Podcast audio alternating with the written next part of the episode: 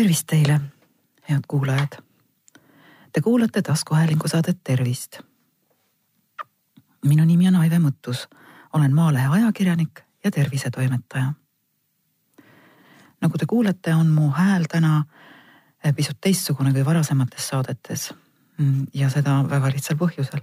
nimelt on mind tabanud sügistalvine esimene viirushaigus ja, ja mul on nohu aga hoolimata sellest, et mu hääl kõlab nasaalselt, on see loodetavasti arusaadav.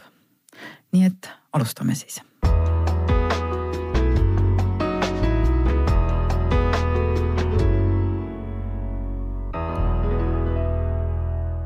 käes on igasügisene hingede aeg ja sel ajal mõtlevad paljud meist lähedastele ja kaasteelistele, keda siin ilmas enam ei ole sestap räägimegi tänases saates sellest, kuidas maisest maailmast lahkutakse. täna räägime surmast. mis on surm? ma vastan sellele küsimusele kirikuõpetaja Jaan Tammsalu sõnadega. ja ta kirjutab nii. üks Hiiumaa mees otsustas, et ta tahab hakata mingit kergemat tööd tegema vaatas natuke ringi ja leidis, et ennustajad, kaardipanijad ja muud sellised selgelt ettenägijad äh, teenivad ränka raha. ja otsustas temagi ennustajaks hakata. aga kuna Hiiumaa on väike saar, äh, siis tuli tal hirm peale, et kui tema ennustused ei peaks täide minema, leitakse ta üles ja tal hakkab halvasti minema ja lõpuks äh, leidis ta geniaalse lahenduse. kõigile, kes tulid äh, tema juurde tulevikku teada saama, teatas ta. ükskord te surete ära. enamjaolt läks see täide, see ennustus siis kas sellesama mehe eluajal või veidi hiljem. ja Tammsalu jätkab. surm on midagi sama loomulikku kui hingamine ja elu ja surma tulekski esmalt just nii võtta. inimene on elus olend ja elus looduse osa. paraku on, tahame me või mitte, elus loodusele omane kaduvus ehk teisisõnu. kõik me sureme ükskord, ilma sambaks ei jää keegi. Mm, üks selline tore mõttekäik raamatust Pootsman, Jorven ja Mooses, kui soolavaras, et Jorven ütleb, et elu on üks hädaorg, ära surema peab kord ja siis mullaks saama. kõigist meist saab kunagi muld.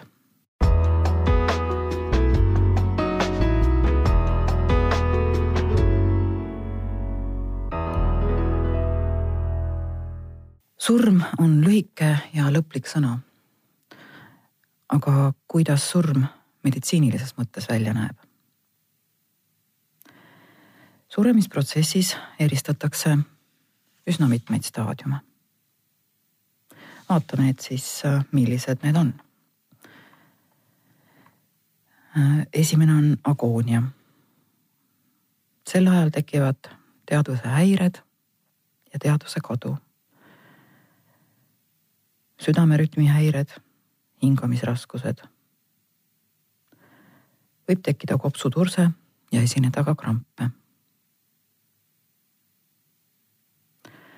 sellele järgneb kliiniline surm. Äh, kliiniline surm kestab umbes kolm kuni viis minutit ja kui inimene selle aja jooksul elustavat abi ei saa, siis äh, saabub pöördumatu ja lõplik bioloogiline surm. Äh, kliinilises surmas inimese südametöö lakkab, vereringe seiskub pulssi ei ole võimalik suurtelt arteritelt, kas siis reiel või kaela lunearterilt palpeerida. kesknärvisüsteemi talitus lakkab ja teadvus puudub. ja kuna vereringe äh, on seiskunud, siis äh, hakkab inimese nahk kahvatuks ja, ja kergelt sinakaks ehk tsüanootiliseks muutuma. samas äh, ebaefektiivne ehk agonaalne hingamine võib püsida veel kümme minutit, enne kui tekib täielik hingamise seiskus. ja pärast seda, kui vereringe on juba seiskunud, võivad siiski olla inimesel säilinud kõrirefleksid ehk et siis, kui kõri millegiga ärritada, siis inimene võib hakata köhima. Kliinilises surmastaadiumis inimese pupillid ei reageeri valgusele ja umbes minuti jooksul pärast seda, kui vereringe seiskub, hakkavad pupillid laienema. see on tavaliselt nii, kuid teatud juhtudel, näiteks kui on tegemist kas siis opiaatide või fosfororgaaniliste ainete mürgistusega, siis jäävad pupillid kitsaks. ja nagu ma juba enne ütlesin, on kliinilises surmastaadiumis võimalik inimest elustada. sellele järgneb järgmise staadiumina bioloogiline surm ehk ajusurm. ja see on tõesti juba lõplik. rakkude elutegevus lakkab. inimese kehatemperatuur hakkab langema, lihased kangestuvad. veri paikneb ümber allpool asetsevatesse kehaosadesse ja tekivad koornulaigud. limaskestad hakkavad kuivama ja algab pehmete kudede lagunemine selles staadiumis kahjuks eluprotsesse enam taastada ei ole võimalik.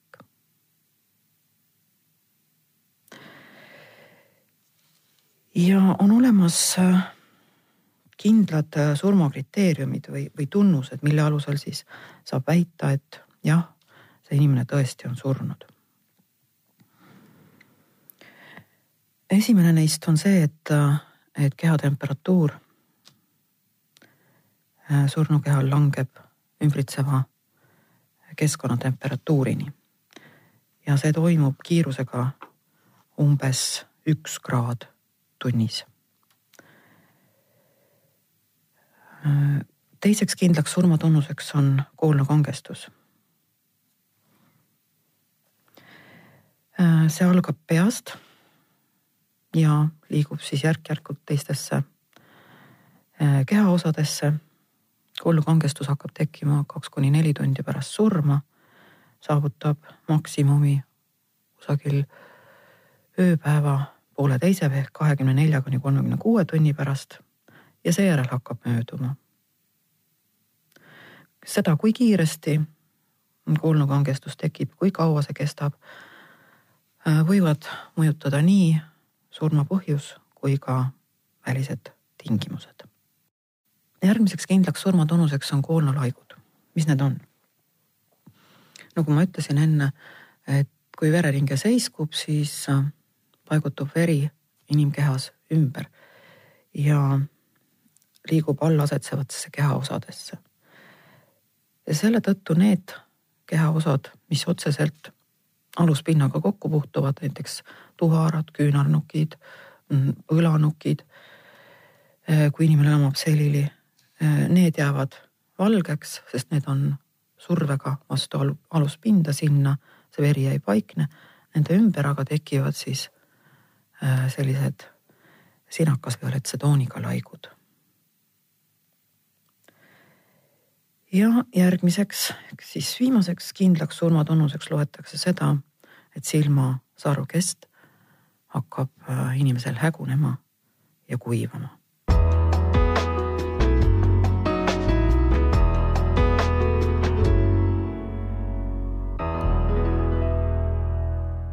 surmaga on seotud äh, palju müstikat ja, ja mõned äh, asjad äh, tunduvad inimestele eriti veidrad. kuigi nendel on üsna lihtne ja loogiline seletus. sageli räägitakse, et surnul kasvavad juuksed ja küüned edasi. tegelikult siiski mitte, otse vastupidi.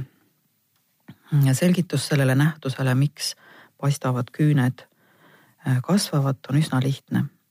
nagu ma enne ütlesin, mm, hakkab äh, surnud inimese nahk tasapisi kuivama ja kokku tõmbuma ning seetõttu lihtsalt näib, et küüned on pikemad. ja juuksed samuti. Äh, mõned inimesed arvavad, et surnukeha on võimeline hääli tegema. ja, ja tegelikult nii see ongi, aga midagi müstilist selles ei ole. Äh, inimene on küll surnud, kuid see ei tähenda, et tema kopsud õhust kohe täiesti tühjaks läheksid. ja kui siis õhk, see, mis kopsudesse on jäänud, sealt ajapikku väljuma hakkab, siis võitegi sealsamas surnukeha kõrval seistes teinekord kuulda justkui äh, see mõmiseks või, või johiks, tegelikult siis väljub kopsudest viimane sinna sisse jäänud õhk. mõnikord paneb äh, inimesi imestama see, et, et surnu oma püksid täis teeb, kui otsesõnu välja öelda. aga imestada pole seal tegelikult midagi. sest äh, pärast surma juhtub see, et, et meie lihased muutuvad lihaks, mis eristab lihast, elus lihast, surnud lihast. kui te võrdlete nüüd oma lihaseid ja seda liha, mida turul lihaletis müüakse, siis äh, kõige silmatorkavam erinevus on see, et, äh, et lihas tõmbub kokku ja lõtvub, liha aga on lihtsalt üks, üks tükk, millel seda kontraheerumise võimet ei ole. ja surres juhtubki nii, et, et lihased kaotavad võime kokku tõmbuda. ja mitte ainult siis äh, skeletilihased, vaid ka silelihased, mis hoiavad äh, puit tühjenemast ja soolt tühjenemast. kui need lihased ei ole võimelised enam kokku tõmbuma, siis nad vabanevad ja otse loomulikult on siis põie ja soola sisul mm, tee vabadusse olemas. nii et selline tegelikult väga lihtne ja loogiline seletus sellele nähtusele, miks, miks uriin ja roe meie kehast surres väljuvad.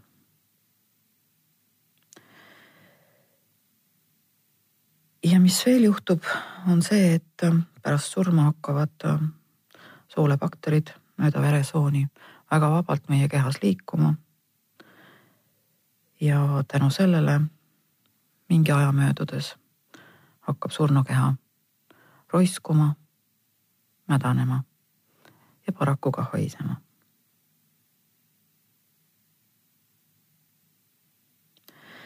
kuid äh, tõsi on ka see, et, et mõni kehaosa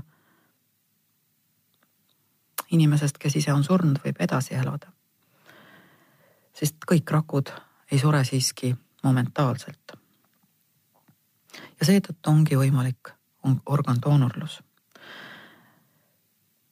sel juhul tuleb küll arstidel väga kiiresti reageerida, aga siiski on võimalik, nagu te ju kuulnud olete tänapäeva meditsiinis, üsna mitmeid organeid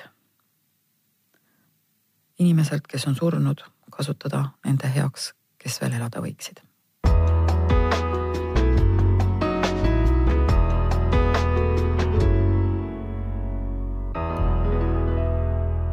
mida teha, kui lähedane inimene sureb?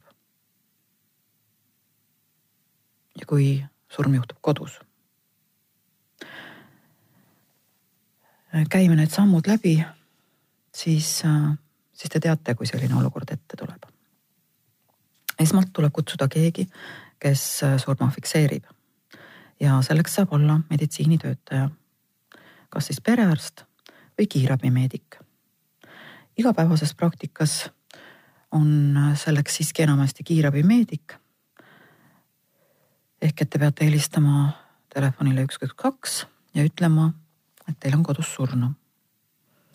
ja on vaja surm fikseerida perearst võib ka loomulikult tulla, aga, aga kui äh, inimene sureb öösel ja perearst saab tulla koduvisiidile alles õhtul, siis äh, ei ole selline perspektiiv just väga meeldiv.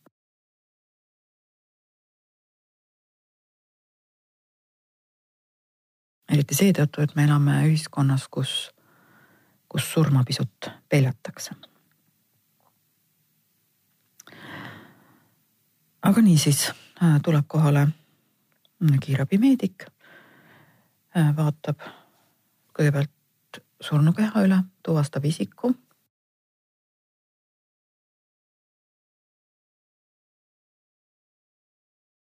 Ja kui mingisuguseid vägivaldse surma tunnuseid näha ei ole, siis väljastab ta äh, teatise selle kohta, et, et surm on tuvastatud.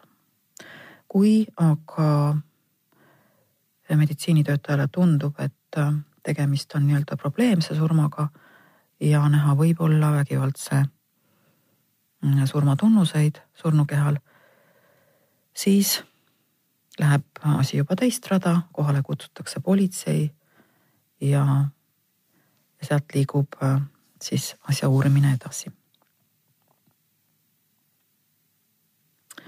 nüüd, kui te olete saanud kätte mm, meditsiinitöötajalt äh, teatise, mis fikseerib inimese surma, äh, siis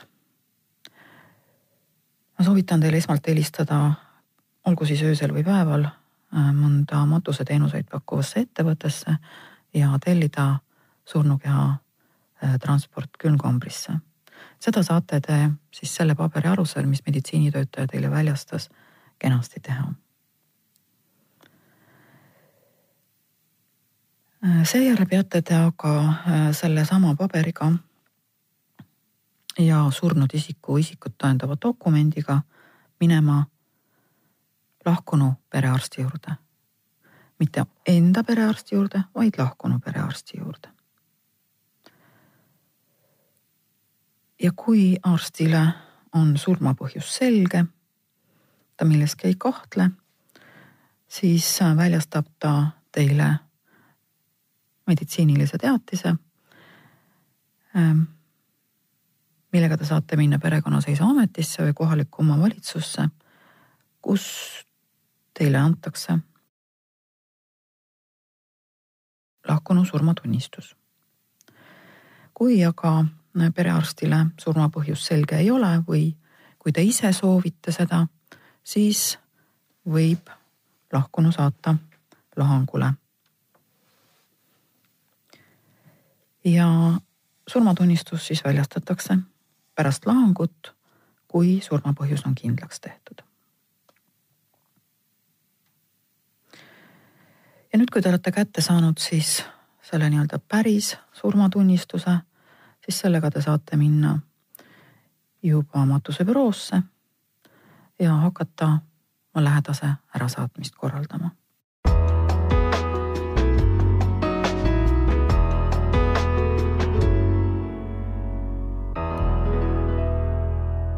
surmaga kaasneb palju igasuguseid asjakorraldusi ja kõigest sellest annab teile põhjaliku, mitmekülgse ja, ja hea ülevaate esimese novembri Maaleht. ja selle vahel olev Targu talita. nii et äh, lugege, saate targemaks. vaatame natuke numbreid ka ja need käivad äh, viimase kolmeteistkümne aasta kohta. kolmeteistkümnest aastast kaheksal on kõige rohkem inimesi Eestis surnud jaanuarikuus. ja rekord surmakuu nii-öelda oli jaanuar kaks tuhat seitseteist, kui registreeriti tuhat seitsesada kaheksa surma. talv on üldse mm, surmarohkeim aastaaeg, siis kolm kuud kokku jaanuar, märts ja veebruar. miks see nii on? ei tea. kuid on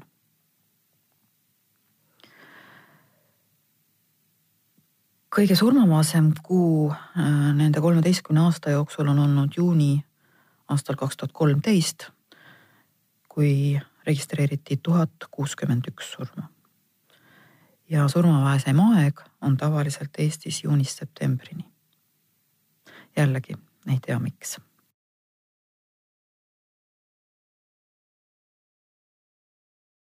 kõige rohkem surmi on Eestis registreeritud kahe tuhande seitsmendal aastal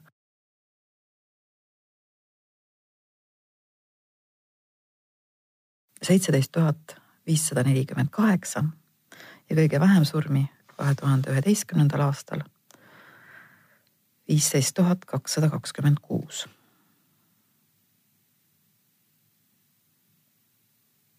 paljud inimesed kardavad surma.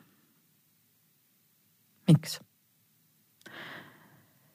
ühes varasemas saates, kui me rääkisime eakate depressioonist, ütles psühhoterapeut Kaire Talviste minu meelest väga kenasti, et surma pelgavad need inimesed, kes pole julgenud elada Nad kardavad surra, sest on tegemata jätnud äh, asju, mida nad oleksid tahtnud teha.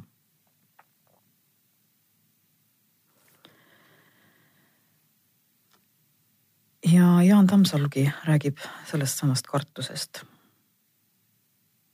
Öeldes, et äh, elu mõte on elada nii, et sa surma ees seistes ei peaks kartma.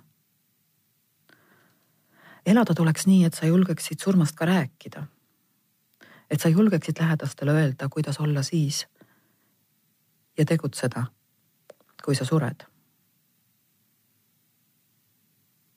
kui sa mõtled surma peale, selle peale, et sa pead ära minema, siis võib-olla sa sätid oma asjad õigesse järjekorda. Ei kuluta aega mõttetuste peale, hakkad elama elusamat elu. ja teoloog Toomas Paul kirjutab äh, selles samas Hingedepäeva Maalehes. esimese poole oma elust me usume, et valmistume elama. mingil hetkel aga tajuvad mõned, et samavõrra valmistume me surema. innukas heitlus nooruse ja tervise eest on suuresti võitlus surma vastu.